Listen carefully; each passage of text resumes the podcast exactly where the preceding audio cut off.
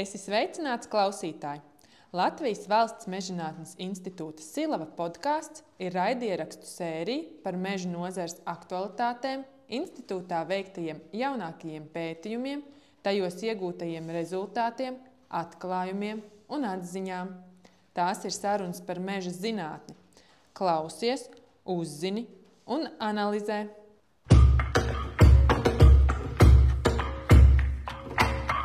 Esiet sveicināti Silavas podkāstā. Šodien, lai parunātos par bērniem, tiekos ar Kasparu Liepiņu, vadošo pētnieku un Silavas podkāstu vadītāju. Nesam tikušies kopš mūsu iepazīšanās epizodes. Šodien parunāsim vairāk tieši par bērniem, kas ir tavs pētījuma objekts jau vairāku gadu garumā. Jā. Tad sākam pamazām šķietināt to bērnu stāstu ar to, ka tu varbūt pastāsti, kas tu esi, kā tu tiki līdz bērniem, un tad jau iesim tālāk. Kā jau daudz kas dzīvē, tu ievada zināma nejaušība virkne, kāpēc es nokļuvu Silavā un kāpēc es sāku strādāt pa bērnu. Tas sākās laikā, kad es pabeidzu fakultāti. Un arī kaut kādas tādas nejaušības dēļ, par cik tajā laikā darbu vēl nedabūju, es domāju, iestāšos maģistrā. Un iestājoties maģistrā, protams, parādās brīvs laiks, ir nepieciešams meklēt kaut kur piestrādāt. Tajā laikā vienīgais, ko es tā varēju dabūt, uzreiz bija Silava, kur es zināju, ka vajag studentus. Es atnācu uz šejieni, mani pieņēma darbā meža selekcijas un ģenētikas nodaļā. Es atceros, pirmā saruna bija ar tā laika direktoru Imantu Baumani. Algas bija ļoti mazas, tad viņš man mēģināja kaut kā to darbu padarīt tādu iekārojamāku un stāstīgu. Un viena no tām lielajām priekšrocībām strādājot Silavā ir tas, ka tu ierīko izmēģinājumu stādījumus un pēc tam redzi, kā tas gadu gaitā aug un pēc tam vari mērīt. Es domāju, nu, ko tu tas stāsti? Nu, man vajag galu galā naudu izdzīvošanai. Aptuveni ar tādu domu es atnācu uz Silavu. Bet patiesībā pēc šiem, nu jau negribas pat skaitīt, cik gadiem es esmu strādājis, es tiešām varu novērtēt to ceļa maizi, ko toreiz Imants deva. Un tiešām tas darbs, ko tu iegūti tajā visā, tas atspoguļojums no tiem pirmajiem stādījumiem, kas ir iestādīti. Tas ir tas, kas paliek, tas, ko gados var novērtēt. Bet sāku ar Pirmajiem bērnu izmēģinājumu stādījumiem tajā laikā kolēģis Arnis Gailis jau bija izdarījis to sākotnējo darbu, bija savāktas bērnu ģimenes no visas Latvijas, izaudzēti stádi, un tad mēs viņus stādījām. Pirmās vasaras es darbojos praktiski tikai lāpstu, tikai ierīkoti stādījumi. Tepat Rembates apkārtnē Taurenē un Ukros, un tagad viņiem jau ir veiktās pirmās krājas kopšanas, un es tiešām varu novērtēt, kā tie bērni ir auguši. Nu, tas bija tas laiks, kaut kā pavisam netīšām ar to bērnu, kā sākās. Tad arī pēc tam uzsākās šī bērnu programma, kur Latvijas finieris inicēja tajā laikā sadarbībā ar pārējām nozares um, institūcijām, uzņēmumiem. Un arī mums no Silavas bija pētījums neliels. Mēs sākām pētīt bērnu audzēšanu, koku audzētavās, pēc tam pirmie šo stādījumu ierīkošanu kopšana, dažādi stādu materiālu veidi, un, un tā lēnām pamazām es tajā visā jomā esmu nedaudz apbružājies. Arī tā nu sanāca, ka līdz šim arī par šo tēmu strādāju arī uz priekšu. Sanāk, ka bērnu stāsts un pētījumi par bērniem arī sākās tajā laikā, kad tu studēji. Zināmā mērā, jā. Tad cik gadi? Gadsimta mijā es nemaldos, sāku 99. vai 2000. kaut kur tajā brīdī atnācu uz Silavu. Jā. Tur jau bija noticis tas vēsturiskais pagrieziens, kurā šis bērns kļuva par saimnieciski nozīmīgu koku sugu. Jo līdz tam pagājušā gadsimta 80. gados bērns tika uzskatīts gandrīz vai par nezināmu nezāli. Nevienam viņš īpaši nebija vajadzīgs. Galvenais uzsvars bija uz, uz priedi un egli. Un bērns bija pionieris, kurš sējās iekšā priežu egļu stādījumos, kurš pēc tam bija jākopja un ar viņu jācīnās vairākas reizes, lai tie skuju koki izaugtu. Bet uh, tas pavērsiens Latvijā notika lielā mērā tāpēc, ka attīstījās šī finieru rūpniecība. No salīdzinoši neliela uzņēmuma šis pirmais koncerns, kas mums šis Latvijas finieris izveidojās, kas lielā mērā arī šo virzību noteica. Vēl viens svarīgs faktors bija laiks. Es vēl atceros to laiku, kad bērns kļuva no malkas koka par papīra malkas koku. Kad mums radās latviešiem pirmā iespēja eksportēt bērnu papīra malku, viņi toreiz veda Somiju vai Zviedriju. Pat bija barters, man liekas, varēja nodot kaut kādu kravu papīra malku un pretī dabūja pirmo huskārnas zāģi.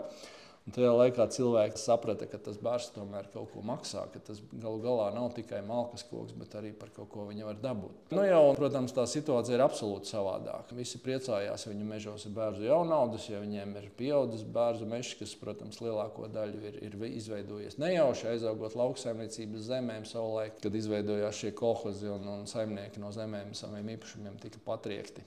Šobrīd jau ir daudz dažādu šīs koksnes apstrādes iespējas, un ne tikai celulozes rūpniecība un, un saplākšņa ražošana. Arī Latvijā ir daudz citu uzņēmumu, kas veiksmīgi strādā ar bērnu. Tad tu varētu pastāstīt, kur aug bērns mums Latvijā. Tu pieminēji, ka viņam ļoti patīk lauksaimniecības zemes, viņam patīk arī iet pie skuju kokiem, taisīt mm -hmm. tādas uh, iztraudzes. Un arī kur mēs šobrīd izmantojam to bērnu. Jo, ja tu saki, ka 80. un 90. neredzēji tam bērnam to mm -hmm. potenciālu, tad kur mēs viņu jau tagad izmantojam? Kā viņa tas potenciāls ir audzis un attīstījies šo gadu laikā? Nu, bērnu mums ir daudz Latvijā, neskatoties uz visām tām pūlēm, kas bija pagājušajā gadsimtā, lai viņu nīcinātu ārā. Bērnu mums ir ļoti daudz. Un lielā mērā tas ir radies tāpēc, ka pēc otrā pasaules kara tika patriekti īpašnieki no savām zemēm. Tās zemes tika apvienotas kolhozos. Bet tajā laikā notika diezgan intensīva lauksaimniecības zemju aizaugšana. Ja tur neviens neko nedara, tad bērns ir viens no tiem pirmajiem, kas neizmanto tā zemē sejas iekšā. Un tieši tam mēs varam pateikties, ka mums šobrīd ir pietiekoši daudz pieaugušu ciršanas vecumu vai, vai ciršanas caurmēru sasniegušu bērnu augu, kuras šobrīd tiek cirstas un kā no kurā vietā atjaunotas. Bet tā nav plānveidīga rīcība, kāpēc mums tas bērns ir tik daudz. Tā ir zināmā mērā tāda dabas dāvana. Tas bērns nebūtu nevienmēr ir tik kvalitatīvs. Mums, protams, šī brīža metodes, gan stādījuma ierīkošanā, gan tas fakts, ka mums šobrīd ir, ir selekcijas programma, kur bērns ir iekļauts, tas mums nākotnē ļaus noteikti sasniegt daudz labākus rādītājus. Gan produktivitātē, gan koksnes kvalitātē tas nākotnes bērns, ja mēs visu izdarām pareizi, tad viņš būs vēl labāks nekā šobrīd, tas, ko mēs cērtam. Par koksnes izmantošanu arī tur ir mainījusies situācija. Es jau sāku runāt par šo celulozi, kas viņu varētu mēs pat īstenībā nesaukt par celulozes ražošanu, bet par biorafinēriju, kad koksne tiek pārstrādāta dziļāk. Nu, ja mēs kādreiz domājām, ka celuloze no tā tiek ražots papīrs, tad šobrīd tas jau ir attīstījies. Un, piemēram, ļoti daudz lapu koku šī celuloze tiek izmantota gan higiēnas preču ražošanai, tas ir viens, un nākošais ir tekstilu ražošanai. Es atceros, ka Latvijā bija šī lielā simtgades neatkarības jubileja. Tad ar, arī Somijam bija līdzīgi. Bija video klips, kurā tika parādīts, ko Somija bija uzņēmuši par to, kā viņu valsts pirmā lēdija gatavojās uz šo simtgades balli. Tas stāsts sākās ar to, ka mežā iebrauc traktors, nocēta bērnu, viņš tiek aizvests uz rūpnīcu. Viņš tiek pārstrādāts par celulozi, pēc tam tiek pārstrādāts par audumu, un no tā uzšūta kleita pirmā lēdiena. Viņa pēc tam dodas uz šo simtgades balli. Manuprāt, tas bija lielisks piemērs tam, kā viņi demonstrēja, kāda nozīme vispār ir meža saimniecībai viņa valstī. Galu galā šī pirmā lēdija arī parādīja, kādā līmenī viņa valsts ir attīstījusies un kādi produkti tiek šobrīd ražoti. No koksnes, ko mēs sākotnēji domājām, ka nu, tur tikai sanāk vai nu dēlis vai finieru loksne no tā visa. Jā, man uzreiz gribētos jau arī jautāt, kā tad mums Latvijā veicas ar to attīstību. Bet uh, varbūt mēs nedaudz uh, atkāptos atpakaļ, jo tie nākotnes izaicinājumi un, plāni droši vien arī institūtā ir un, un arī mm -hmm. nozarē kopumā. Bet, lai saprastu varbūt vairāk un uzzinātu par pētījumiem Silavā, varbūt var pastāstīt, kādi ir tie nozīmīgākie pētījumi, kas ir bijuši par bērnu Silavā. Un es saprotu, nu, lielā mērā arī tu visos esi piedalījies. No selekcijas darba, no ģenētikas darba es esmu pagājis maliņā. Šobrīd es vairāk strādāju par tēmām, kas saistās ar bērnu ieaudzēšanu lauksaimniecības zemēs, pēc tam ar šo stādījumu kopšanu, produktivitātes uzlabošanu, koksnes kvalitātes uzlabošanu jau, jau pagājuši vairāk kā 20 gadi. Mēs jau esam pāri tai pirmajai stadijai, kad mums tiešām bija jāsaprot, par cik tajā laikā bērnu kā tādu vispār neaudzēja. Tikpat kā pirmais bija saprast, kā to bērnu izaudzēt. Un, un liekas, ka 20 gadi pagājuši, nu jau mums vajadzētu būt ļoti labām zināšanām, bet, bet šis darbs ir diezgan izaicinošs.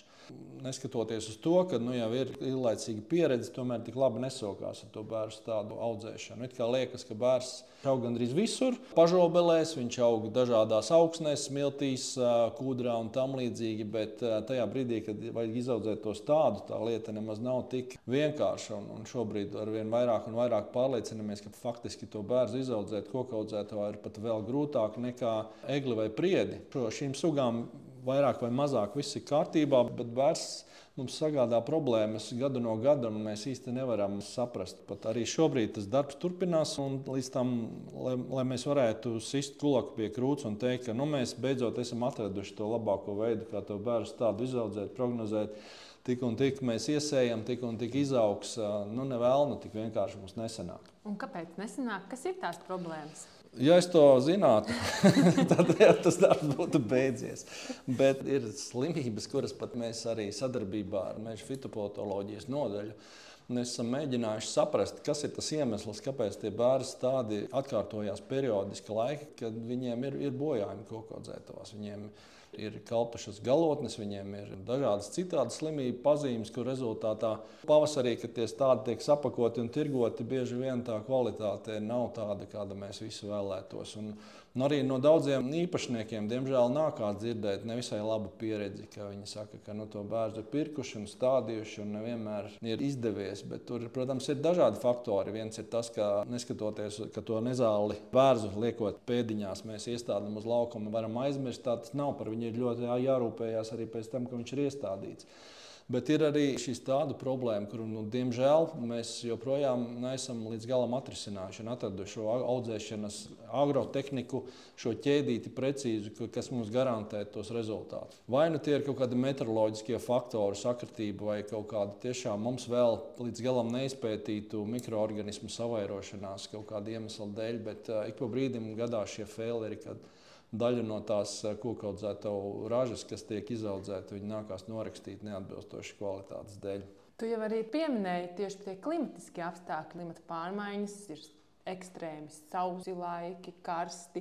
It kā jau kokaudzētavās ir tā kontrolētā vide. Nevaram jā, pievilkt. jā, protams, ka tas ir, bet tā šobrīd ir tāda vairāk teorētiska papļāpāšana. Mēs īsti nezinām. Protams, ir riski dažādi. Piemēram, tas pats bērns, ja viņš saplaukst pārāk agri un uznāk tādas bargas salnas, tad tas bērns stāv poligonā nedaudz saplaucis. Viņš var vienkārši apsalt. Tas pats stāsts, piemēram, ja viņa pārāk intensīvi piebaro koku audzētavā, viņš nespēja īsti nobriest, nāk šī rudens sali un viņš nav īsti pārkoksnējies. Šie jaunie kociņi arī tajā brīdī varbūt viņi cieš no sala. Bet, Kā jau es teicu, mēs joprojām esam procesā. Un, un, nu, ja neskaita Latviju, tad bērza audzēšana nozīmīgos apjomos un, un viņa saimnieciski nozīmīga suga Somijā.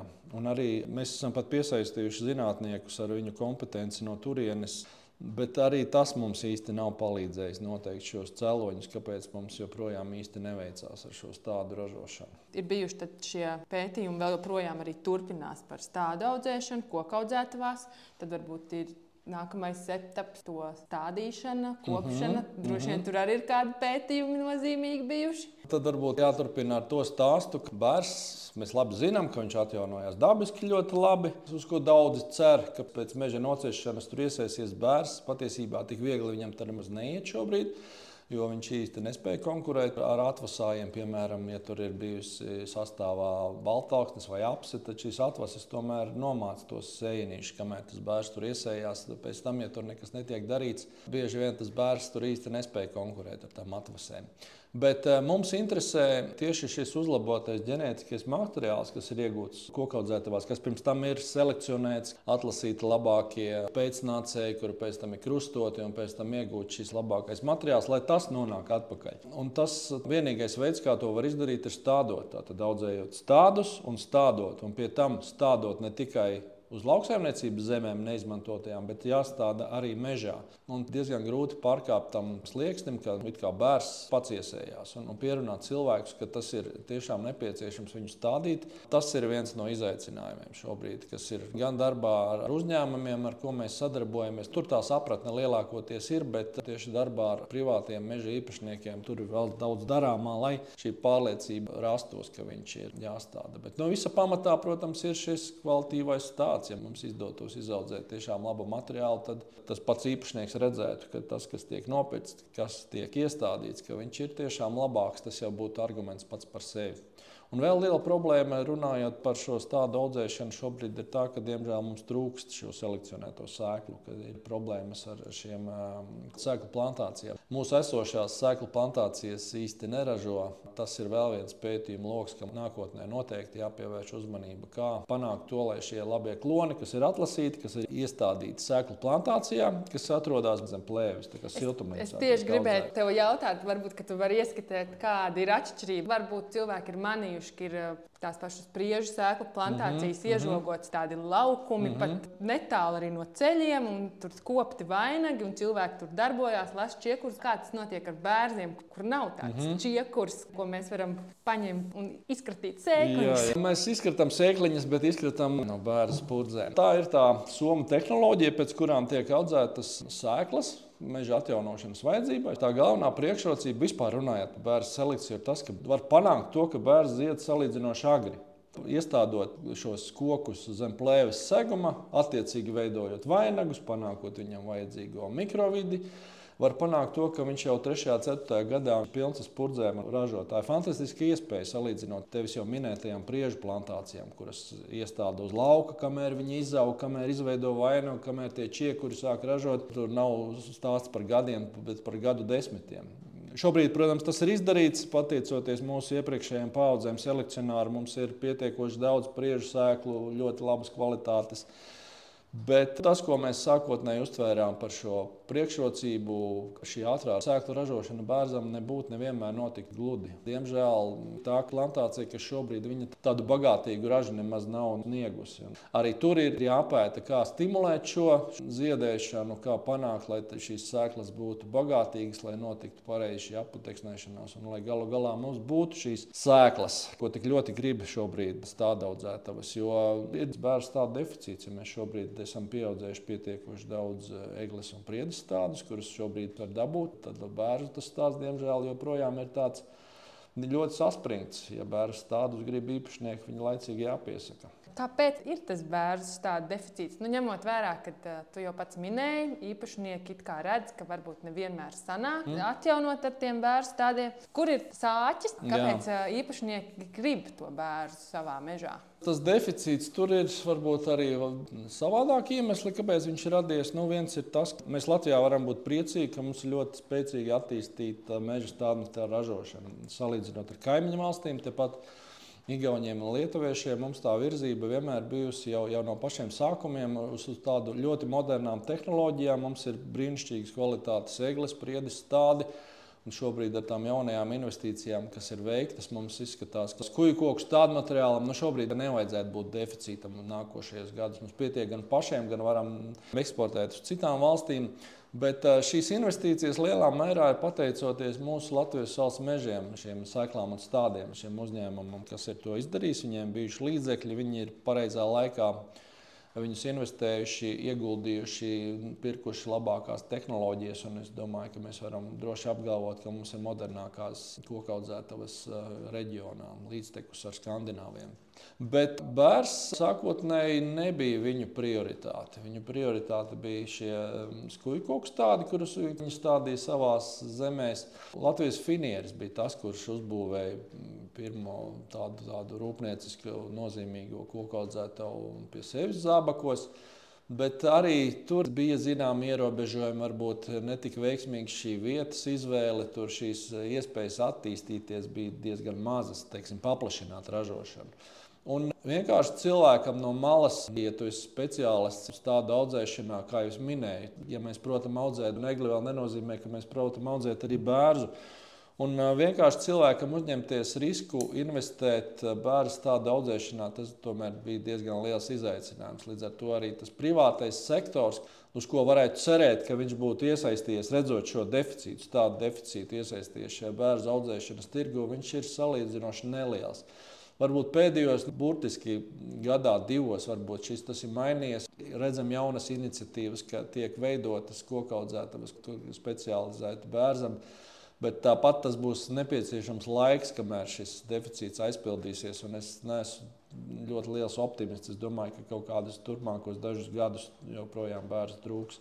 Arī fakts, ka arī bērnu izmantot uh, varam ar vien plašāk un plašāk, noteikti arī uh, vilina tos meža īpašniekus. Absolūti. Nu, ja mēs paskatāmies šīs koksnes cenu tendences, kuras mēs nu, pat piedzīvojām iepriekšējā gada beigās, tad bija brīdis, kad bērza papīra malka kubikmetrs maksāja dārgāk nekā eglis zaļbaļķis. Tas ir pilnīgi liekas neloģisks un, un, un kaut kas nesaprotams. Kā var būt, ka sīkoks maksā dārgāk par eglis baļķi, kas ir nu, priekš mežsaimniekiem. Tas uh, pilnīgi liekas nesaprotama lieta. Kas ir audzis 80 Tieši tā, gadus. kas ir 80 gadus augusi tā egle, bet uh, pietiek uh, īpašniekam izretināt kaut kādu bērnu jaunaudzi, kur viņam dabiski ir iesējusies, dabūt kravu bērnu papīra mākslu, un viņš tajā laikā nopelnīja vairāk nekā nododot šo skuju koku baļķi. Tas, tas, protams, ir tāds zināmā mērā apstākļu sakritība, kāpēc tas tā bija izveidojies. Bet es domāju, ka tas bija vēl viens posms, kad daudzi tomēr sāka pārdomāt, kāpēc man audzēt 80, 100 gadus, ja es varu iestādīt bērnu un dabūt rezultātu varbūt jau 30 gados. Tas ir tas, kas nu, ar vien vairāk un vairāk jā, jā, jā, pilnīgi noteikti. Un tas, tas bija ļoti uzskatāms un, un redzami. Jautājums tikai, kā to bērnu dabūt iekšā. Nu, kā jau es iepriekš mēģināju minēt, mēs nevaram paļauties uz dabisko atjaunošanu. Lai arī bērns ir pionieris, lai arī viņš katru gadu praktiski ražos koku sēklas, bet nu, ne, nebūtu tā, ka viņas nokrīt un sadīkst. Kāds ir tas brīdis tajā sēklu nokrišanas laikā, vai tur ir daudz apstākļu kopums, kas it kā palīdz tam bērnam, bet, ja tas nenotiek, tad viņš neiesējās. Tad nu, vienīgais veids ir, ir viņu mēģināt iestādīt. Cik daudz uh, faktoru ietekmē to vienu mazo mazītiņu? Es pat nezinu, cik viņa, jā, jā, cik jā. viņa ir svars. Bērns sekuļā es mēģināju nosvērt, es, cik sanāk. Nepat, ir, ir, protams, dati, bet es no galvas nepateikšu, cik. Viņa ir tiešām mazāka par ķimenes sēkliņu, tā bērns sēkla. Ja ir liela raža, tad viņas ir visur. Visas peļķes, visur pilnas mašīnas, visas šīs ventilācijas sistēmas ir pilnas ar, ar bērnu sēklām un, un, un tam līdzīgi. Bet, Nu, Daba jau ir, ir izveidojusi šo milzīgo sēklu ražu tam bērnam, zinot, ka tikai dažos gados un dažos apstākļos kaut kas no tā visa sadīgs. Lielākais apjoms no tā visa tā arī nepiedzīvo to, kas kā tur Bībelē bija teikts, ka jānokļūst auglīgā zemē, un tikai tad viņi tur var, var izdīt. Skaidrs, ka eh, šis stāsts par selekciju un sēklu kopību un arī kokaudzētavām ir aktuāls un arī būs aktuāls. Bet es mēģināšu tagad virzīt mūs eh, tālāk, ja mēs esam jaunaudzē. Ir varbūt arī faktori, kas ietekmē to bērnu augšanu. Jau tad, kad uh, tas stādiņš jau ir, mm -hmm, jau ir mm -hmm. zemē, kas ir tie faktori, kas tad varbūt viņu bremzē viņa augšanu, mm -hmm, vai mhm. tieši palīdz viņam? Nu, jā, jā patiesībā tas ir jau tas nākošais posms, pie kā mēs strādājam. Nepietiek ar to, ka mēs bērnu iestādām, mums par viņu ir jārūpējas. Es jau pieminēju nedaudz, ka patiesībā viņam vajag daudz gaismas, un ja viņš ieaug nezālēs, tad, tad nekas tur nesanāk. Bet, ja to saprotam, tad, ja mums ir paveicies, mēs esam izaudzējuši labu bērnu jaunaudzi, un tad ir, ir ļoti, ļoti svarīgs posms viņu saulēcīgi izretināt šo bērnu. Ja mēs gribam rasnus stumbrus, kā jau es ieskicēju, ja mēs tēmējam uz 30, 40 gadiem, ka mēs viņu novāksim šo, šos bērnus, mums ir saulēcīgi un ir jāizretina. Lai nesāktos šī koku izstīdzēšana, bērnam ir tas zelta likums. Ja, ja grib, lai bērns augtu, patiesībā tas attiecas arī uz citiem kokiem, viņam vajag lapas. Tātad viņam vajag dzīvo vainagu. Ja vismaz puse no tā stumbra nav zari ar, ar zaļām lapām, tad tas koks nobremzējās, viņš izstīdzējās. Viņš augstumā aug, diametri neattīstās, tad kaut kādā brīdī uznāk kaut kādas snieglietas vai cita nelēma, viņi tiek noliekti. Nu, tad mēs galu galā 70 gados cērtam 200 kubikmetrus no hektāra. Tas ir tas ierastais mūsu, mums ir pieaugušās bērnu audzes, bet mēs jau gribam 30 gados nocirst 350, 400 kubus. Un, lai to panāktu, ļoti svarīgi viņu saulēcīgi izretināt. Par bērnu retināšanu jaunoģu vecumā arī viens Somu kolēģis interesanti man tādu atziņu teica, ka bērns ir jāretina tā, tad tu aizēji krumgriez uz to jaunaudzi, viņu izretini un, un pēc tam skaties uz padarīto darbu un domā, bet es taču izpostīju to audzi. Es pat daudzus izzāģēju. Nu, kā viņi tagad izskatās? Tie kociņi, kā viņi tur tagad izdzīvos. Un viņš nākošais gads atnāk atpakaļ uz to audzi un saka, bet vēl vajadzēja retināt. Jo tas koks aug ļoti strauji. Bērs, uh, Jaunauģu vecumā viņš gadā pieauga pa pusotram metram, tā kā nemetās. Un, un, un tas gads pēc gada, tas, tas skats pēc tā viena vai diviem gadiem tajā jaunādzē ir pilnīgi savādāks. Tā kā sakožam zobus un, un izretinām tos, tos bērnus kārtīgi, un tam mēs varam sagaidīt. Protams, tur ir psiholoģiskā barjera. Ja cilvēks pats ir iestādījis tos kociņus, rūpējies par viņiem, pļāvis, nezālis, izaudzējis tos divus pusotru kokus hektāru, viņam jau pēc tam ir Nu, roka neceļās tur kaut ko zāģēt ārā, bet tam vajag pārkāpt. Kā ir, varbūt ir jau sākotnēji jāstāda mazāks. Jā, jā par to jau šobrīd mēs arī mudinām, ka nav vajadzīgi tie 2000, pietiek ar pusotru tūkstošu kokiem, bet nu, ar to noteikumu, ka mums tomēr izdodas viņu pasargāt no meža dzīvniekiem. Tas bija tas, par ko es tev arī gribēju jautāt, mm. kādas ir tie, tie riski bērnu jaunaudzēs, jo nu, mēs zinām, ka arī pārnaģi posta ne tikai skujkoku jā, jaunaudzes, bet cieši, arī jā. bērzu. Jā. Ja mēs pirms kāda laika varbūt varējām teikt, ka bērnu audzēšanai risku ir tikpat kā nekādi, tad tik lieli optimisti mēs vairs neesam. Nu, pie tā pārneģa blīvuma, kas mums šobrīd ir daudzos reģionos, mēs neko vairs īsti nevaram izaudzēt. Arī bērnu rindā. Protams, pirmie cieši egle, priede, cietie lapu koki, ja tur tādi ir ozols, osis un tam līdzīgi. Tie, tie tiek nopostīti, bet uh, nākošais tomēr ir bērns. Viņš salapo šīs svaigās lapas, tur mielojās gan, gan stirnas, gan brieži.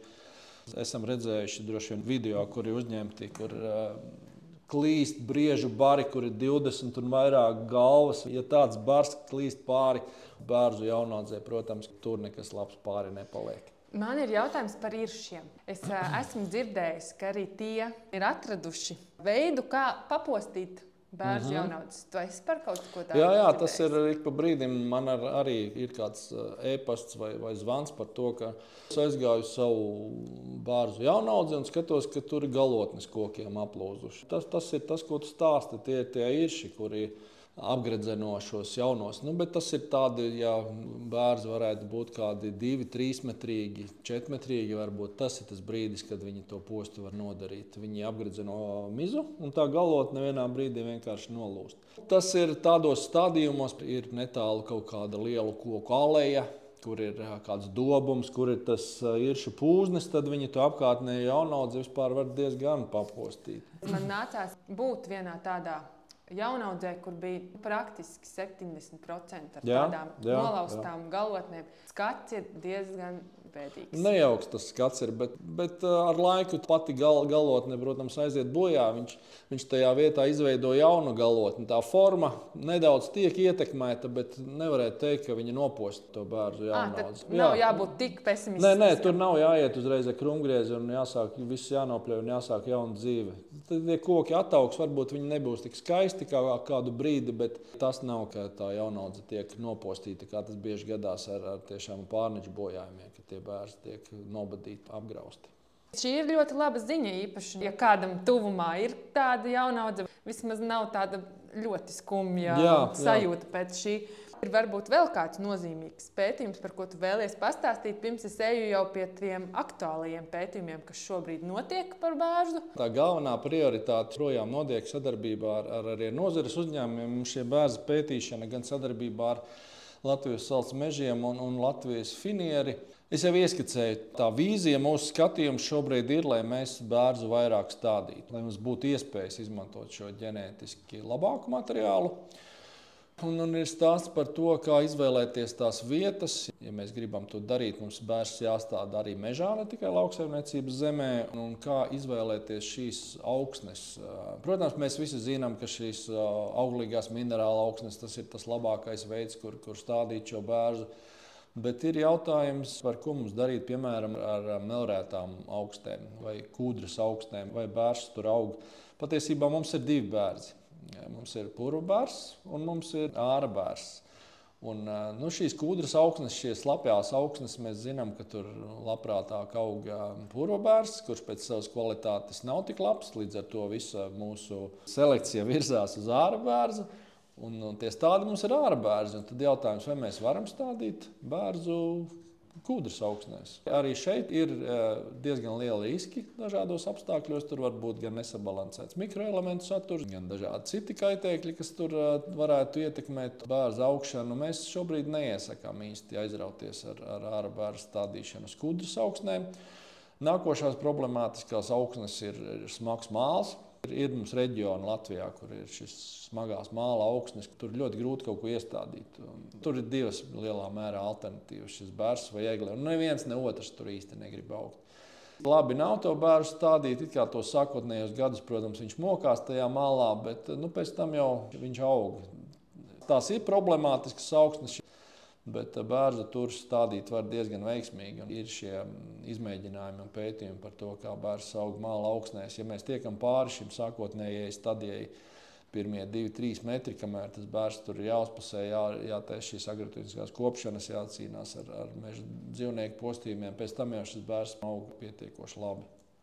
Kur meža īpašniekam vispār meklēt informāciju? Pie kā griezties? Jo meža īpašniekam jau noteikti nu, nav jau uzreiz skaidrs, smagā mālā mēs mm -hmm. darām tā, vai, vai varbūt kūdrā mēs vispār nestādām. Kur meklēt, kur, kur, kur griezties pēc palīdzības? Es, es protams, atbildu uz, uz tādiem jautājumiem un cenšos cilvēkiem palīdzēt, eh, bet tas varbūt nav tas mans ikdienas darbs. Uh, Tas, ko es reizēm daru, es, es piedalos semināros par bērnu, ir sadarbībā piemēram, ar Meža konsultāciju pakalpojumu centru. Vismaz reizi gadā nu, tiešām man ir kāds seminārs par, par bērnu audzēšanu, kur īpašniekiem mēģinu izstāstīt. Un tajā skaitā arī šie darbinieki, protams, šie konsultanti. Kā, ja meža īpašniekam ir ielikās, ir kaut kādi jautājumi, uz tiem pamatjautājumiem, pilnīgi noteikti šobrīd viņš var, var griezties eh, pie šiem uzņēmumiem, kas konsultē par šiem jautājumiem. Tad tie praktiskie jautājumi, kur ņemt tādus, kā gatavot augsni, kā kopt, eh, tas, tas ir diezgan skaidrs, un tos, es domāju, viņam prasīs atbildēt jebkurš. Bet, ja interesē, piemēram, dziļākas zināšanas, tad nu, arī mums Silavas mājaslapā ir, ir grāmatiņa par bērnu plantāciju ierīkošanu, kur ir PDF formātā mm, dabūjama. Un es domāju, liels ieguldījums ir šī Latvijas finiera iniciatīva. Viņi pārtulkoja somu pētnieku grāmatu par bērnu audzēšanu. Un arī tā ir tiešsaistē no interneta bez maksas ielādējuma. Nu, tā patiesībā ir, ir ļoti vērtīga grāmata, kuru vajadzētu izlasīt ne tikai meža īpašniekiem, bet arī piemēram, studentiem, kuri savos darbos skatās kaut kādus jautājumus par bērnu audzēšanu. Tā, tā ir pamatliteratūra, kuras ieteiktu izlasīt tad varbūt lēnām jau virzamies uz to podkāstu noslēgumu pusi, jo tā informācija par bērniem man ir tāda sajūta, ka mēs varētu turpināt, bet tad uh, par to nākotni. Kā tu redzi bērnu Latvijā, meža saimniecības no mūsu silavas arī viedokļa, un, un ka, kas ir izdevies no zinātniskā mm -hmm. viedokļa, un, un kur ir tas bērns? Nākotnē jau mēs tagad vispār bažīgi skatāmies ar šīm prognozētajām klimata pārmaiņām. Tiek eh, skatīti visādi riski, kas varētu tos mūsu nākotnes eh, mežus ietekmēt. Bet tieši mūsu reģionā, un tieši runājot par bērnu, varbūt arī tas nav tik ļoti mm, riskanti. Jo bērns ir salīdzinoši plastisks, platības areāls ir milzīgs. Viņš pacieš par zināmas kaut kādas klimata kaprīzes pietiekoši labi. Tā kā saistībā ar bērnu es domāju, ka tie audzēšanas riski ir Nākotnē neiezīmējās tik satraucoši, piemēram, ja mēs salīdzinām ar egli, ar kuru mēs zinām, ka jau šobrīd problēmas daudzās Eiropas valstīs. Un, un ir vispār jautājums par to, kā viņi izskatīsies nākotnē. Ja mēs runājam par bērnu, tad uh, es, es tomēr gribētu saglabāt optimismu un teikt, ka tā ir nākotnes suga, ka viņa būs vajadzīga, ka no, pilnīgi noteikti mūsu rūpniecībai viņa vajadzēs, un tas pieprasījums, es domāju, ka tikai pieaugs. Gan ilgtermiņā, gan garākā termiņā. Ilgtermiņā tas būs ļoti izteikti, jo visu šo stulbību dēļ, kas, kas notiek pasaules politikā, šobrīd mums ir tās rūpnīcas, kas mums ir šeit Baltijas jūras reģionā, viņām ir Baltijas bērnu tirgus, ir kļuvis ļoti nozīmīgs. Viņiem ir aizvērušies koksnes tirgi austrumu pusē. Līdz ar to noteikti mūsu bērnu koksni vajadzēs ne tikai mums, bet arī tām rūpnīcām, kas ir aiz jūras, jūras otrā pusē. Līdz ar to tā konkurence par bērnu, es domāju, turpmākajos gados būs ļoti, ļoti saspringta. Un arī nākotnē es domāju, ka ir tas tradicionālais viedoklis, kas jau gadsimtiem ir bijis. Priedes, eglis, baļķis, tas būs vienmēr nepieciešams, vienmēr viņu vajadzēs. Es diezgan droši varu teikt, ka arī bērns arī nākotnē viņi joprojām vajadzēs, un viņš tiks izmantots, un šīs izmantošanas iespējas droši vien tikai pieaugs. Un varbūt mēs nemaz nezinām par daudzām Jā, izmantošanas iespējām, jo mēs jau tā. nesaprotam. Tāpat, kā tu minēji, jau izmantošanu audumos un sadzīves priekšmetos. Mēs nemaz nevaram iedomāties, kur mēs varēsim izmantot kokus. Absolūti, jā, jo mums nav, nebūs nojausmas par, par tiem produktiem, kādi tiks nākotnē ražoti no šīs koksnes. Es domāju, tad teiksim šoreiz paldies klausītājiem, ka viņi ir noklausījušies stāstu mm -hmm. par bērniem. Noteikti, ja ir, ir vēlme vēl iegūt informāciju par bērniem, vajag meklēt, googlēt, mājaslapās jā, un jā, visur. Jā, jā. Un tad jau tiekamies kādā no nākamajām epizodēm. Jā, paldies, Laura, uz tikšanos. Atā!